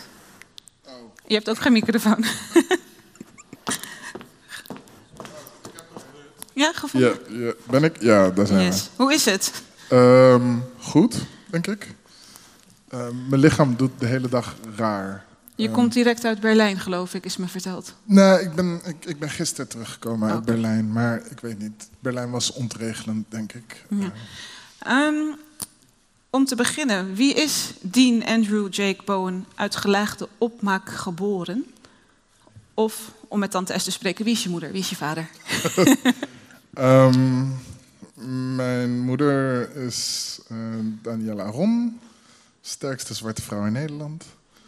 Ehm, eh, en ehm, komt uit Suriname, geboren in Paramaribo, opgegroeid, naar Nederland toegetrokken. Het was eigenlijk nooit haar bedoeling om in Nederland te blijven, maar dingen liepen anders dan verwacht. Mhm. Mijn vader, Rich Bowen, op het moment in het land waar hij geboren is, Guyana, eh, waar hij voor zijn eh, zieke moeder aan het zorgen is. Ehm, en mijn zusje en ik zijn dus zodoende in Nederland geboren. Ik ben een vrij verse Rotterdammer. Ehm, al moet ik wel eerlijk zijn dat een heel groot deel van mijn opgroeien in deze stad eh, zich heeft afgespeeld. Een verse Rotterdammer als in, jij woont hier nog niet heel lang? Ik woon hier nog niet zo heel lang. Hoe lang nee. is dat nu? Drieënhalf jaar. En toch mocht je stadsdichter worden. Ja, goed hè? Maakt dat je misschien nog wel meer Rotterdammer, dat je Nou- dat, dat stadsdichterschap? Ehm, ik weet niet of het stadsdichterschap me meer Rotterdammer maakt, maar het is altijd zo'n hele interessante discussie die je dan voert met mensen. Hè, nee, nee, ben je dan een echte Rotterdammer? Ja, ik vind het een heel erg oninteressante vraag in die zin dat weet, niemand bepaalt waar ze uit hun moeder vallen. Maar ehm, mensen bepalen wel wat ze thuis noemen. En als er één ding is waar ik mij zeker aan committeer, is dat ik eh, heel veel van mijzelf en mijn tijd investeer in, in deze stad en in de gemeenschappen die het leven in deze stad. En ik denk dat als je dat doet, dat je je prima van hier mag noemen. Ja. En wat heeft dat met je gedaan om dan toch als stadsdichter genoemd te worden en die discussies toch hoe dan ook iedere keer te moeten voeren? Want je moet haast wel jezelf verdedigen. Ja, doe ik dus niet. Nee? Nee, nee. Ehm, ik, ik, ik heb heel weinig moeite met eh, ruimte, niet noodzakelijk opeisen, maar innemen. Daar waar ik vind dat ik pas. Mhm. Ehm, en als ik dus pas in deze stad, dan hebben ze het maar met me te doen. Want ondertussen ben ik gewoon de stadsdichter. En dan, ben, dan ben ik voor twee jaar, dus eh, jullie komen niet van me af. Maar goed, toen werd je stadsdichter, ging je vrijwel direct naar New Orleans voor een residency. Wat voor soort residency was dat? Eh, ja, toen ik gevraagd werd of ik stadsdichter wilde worden, toen zei ik, dat weet ik niet. Geef me een week, daar wil ik over nadenken. Want we hebben net... ehm, want Derek Otter was de stadsdichter. En in principe is dat voor mij misschien nog steeds wel een beetje de stadsdichter. Ehm, hij heeft ongelooflijk veel gedaan voor de stad, denk ik. Voor de zichtbaarheid van het stadsdichterschap. En dat is een tough act to follow. Ehm, en ik had net ehm, het akkoord gekregen dat ik was geselecteerd om die residentie te doen eh, in eh, New Orleans. Eh, dus ik kwam terug met de vraag van, nou, ik wil dit in principe wel doen, maar vinden jullie het oké als ik in het begin eh 2,5 maand weg ben? Ehm, Dan zeiden ze kennelijk ja op. toen zeiden ze ja. Het viel wel meteen in de periode. Kijk, als stadsdichter heb je eigenlijk maar twee vaste momenten dat je echt iets moet doen. Verder ben je vrij. Maar dat is dus tijdens de herdenking van het bombardement en tijdens de dodenherdenking. En ik was, was dus weg voor beide. Ehm, ja, dat was niet zo handig. Maar we hebben daar hele mooie oplossingen voor gevonden. Wat heb je Ehm, gedaan? Wat was de oplossing? Tijdens de dodenherdenking heb ik eh, vier eh, Rotterdammers, ehm, verschillende generaties, verschillende achtergronden.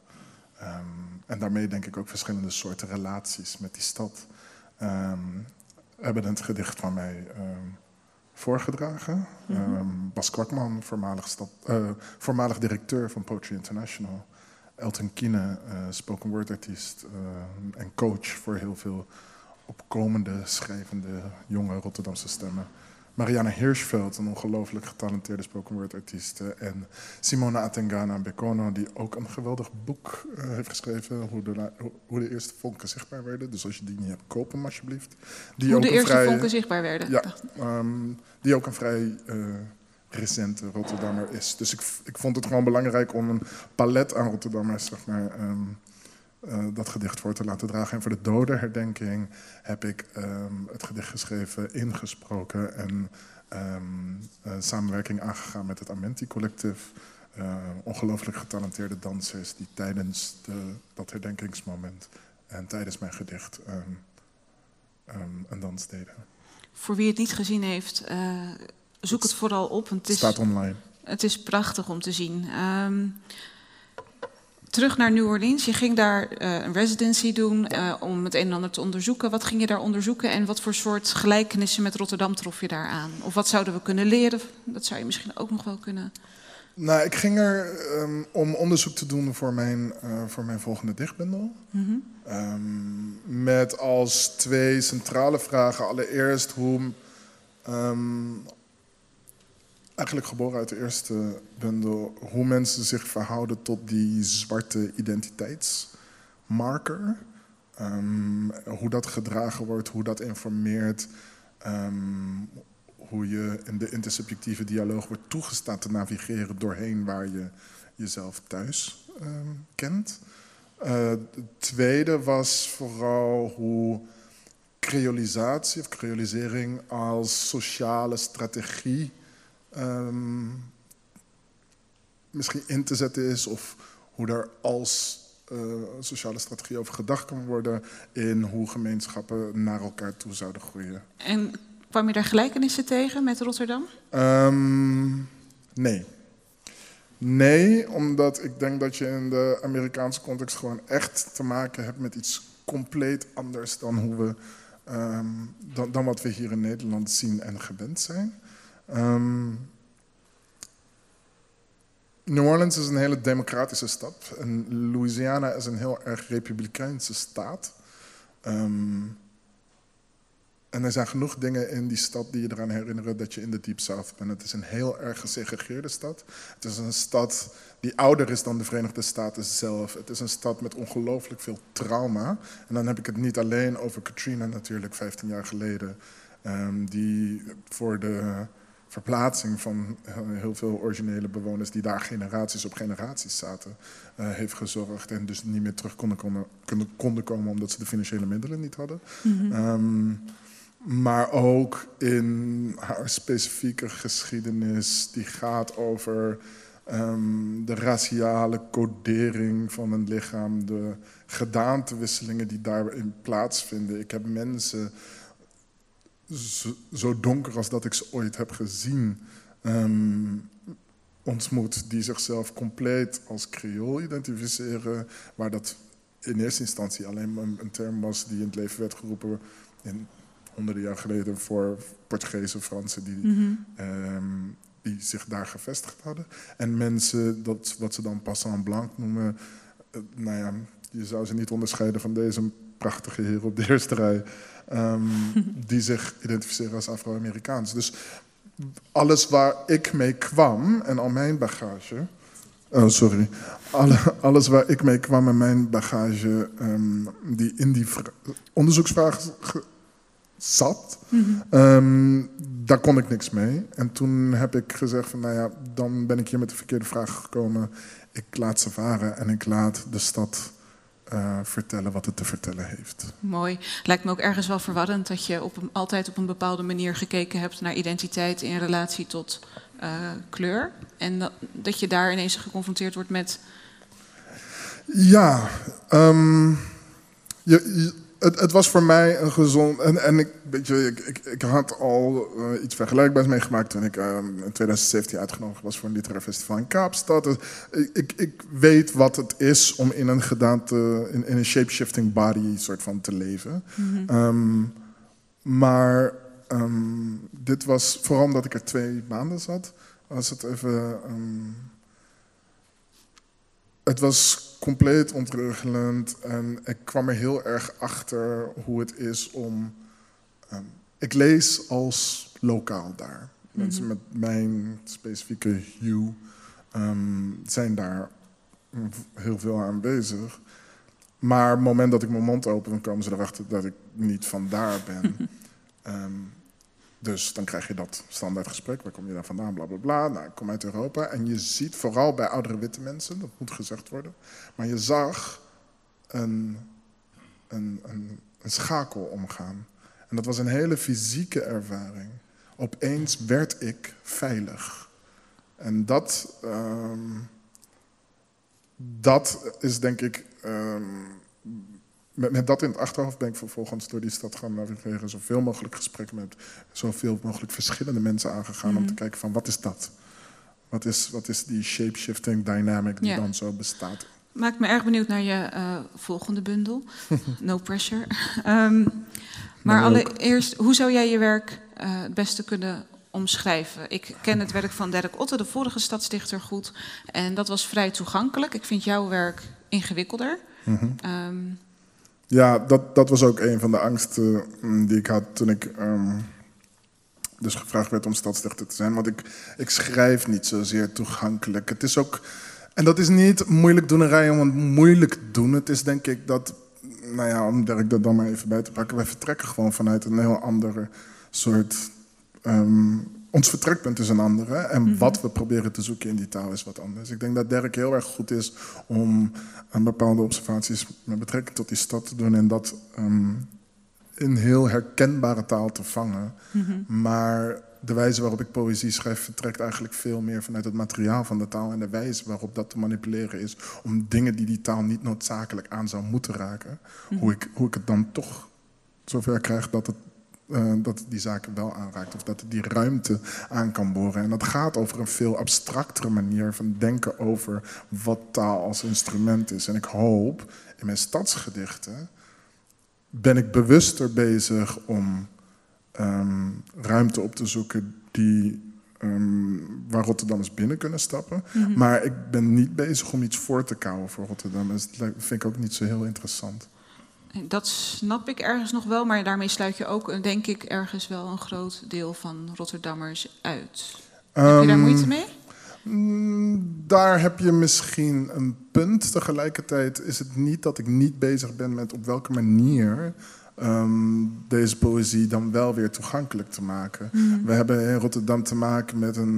Nou ja, we zijn de eerste stad met een wethouder taal, bijvoorbeeld. We hebben te maken met een heel groot segment functioneel laaggeletterden. Mhm. Ehm, ja, die, gaan, die, gaan, die zijn allereerst sowieso niet zo geïnteresseerd in poëzie. Ook niet in die poëzie van Dirk waarschijnlijk.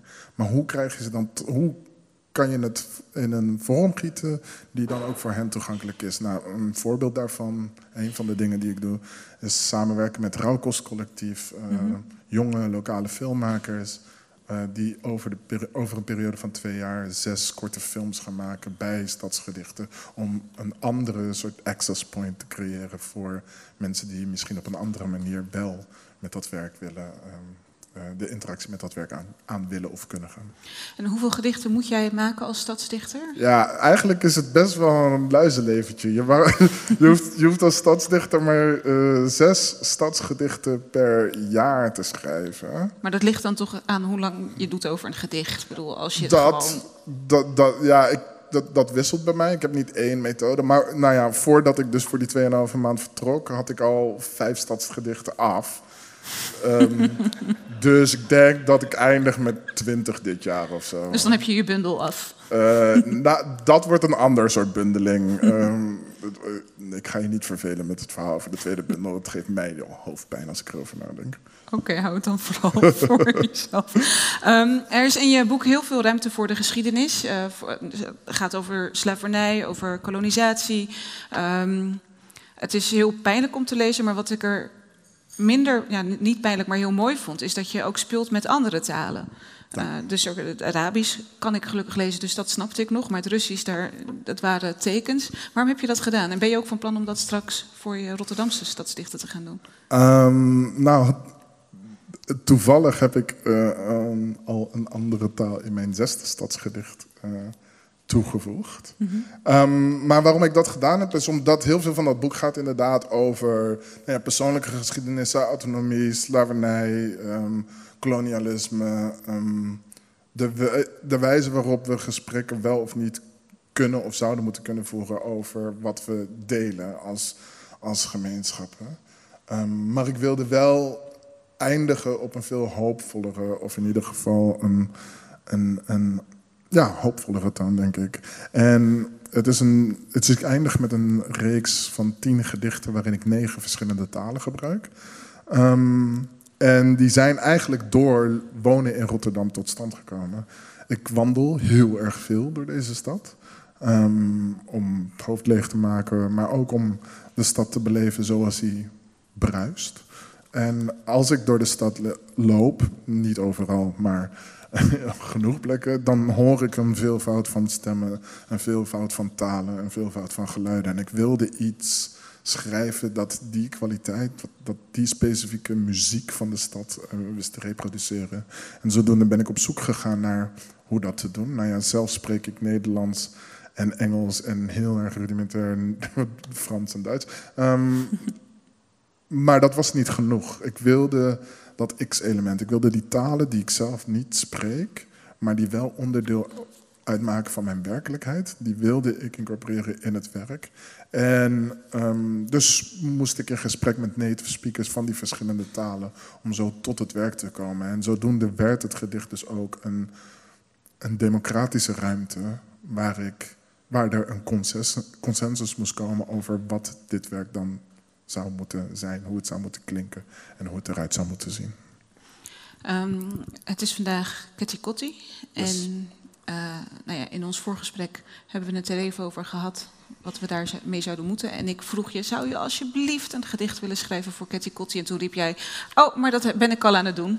Klopt. Dan wil ik graag als afsluiting aan jou vragen of je dat gedicht zou willen voordragen. Ja, um, lieve mensen, ik ben een dichter van de 21ste eeuw. Dat betekent dat we af en toe van onze telefoon aflezen. Dit is niet de romantische dichter met rollen en, en, enzovoorts. Um, maar nogmaals, ik ben jullie stadsdichter voor twee jaar, dus ook hier doen jullie het maar mee. Um, eens even kijken. Daar ben je. Ugh. Mijn internet en mijn... Toch sneller, hè? Zo dat is absoluut zo. Biggie Speakery. Het gedicht heet Biggie Speakery. Eén. Het is iets onder de oppervlakte dat deze wonden blootziet. Twee. Stilte is het aderlaten van een discours dat ook voor jou bedoeld was. Ons allemaal tot karikatuur reduceert. Drie. Grauw is de lucht tussen Suriname en de scherpte van de Nederlandse onverschilligheid. Vier, je toont jezelf niet minder gevaarlijk dan hoe we je herinneren. Vijf, we hebben iets te vieren. Vijf, we zeggen dat we iets te vieren hebben. Vijf, ze zeggen dat we iets te vieren hebben. Dat ze ons ook een feestje gunnen. Zes, laten we allemaal iets herinneren. Zoals hoe het is om ruimte op te eisen, wortel te schieten en te vertakken. Zeven, we begrijpen dat het zal blijven spoken in ons. Acht, wat zich openbaart is de afstand tussen mensen in een gedeeld verhaal. Negen, K-E-T-I, K-O-T-I is Kitty Kotti, is niet Katie Koti. Tien, Leer de regels van Dobro uit het hoofd. 10. One bon. 10. One people. 11. We nosa singi teneti.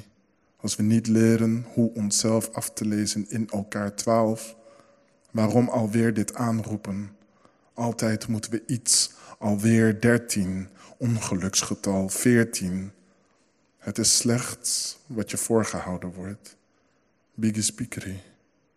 Vertel me wat je ziet. Vraag me niet waarom je jezelf niet herkent. Ik weet het niet. Maar zie wat je moet zien. En 15. Onthoud.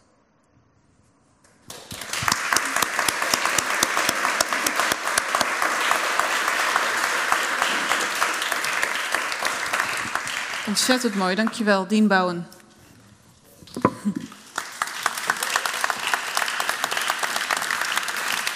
Dan zijn we hiermee ook uh, aan het einde van de avond gekomen. Ik wil graag nog een aantal plichtmatige bedankjes doen.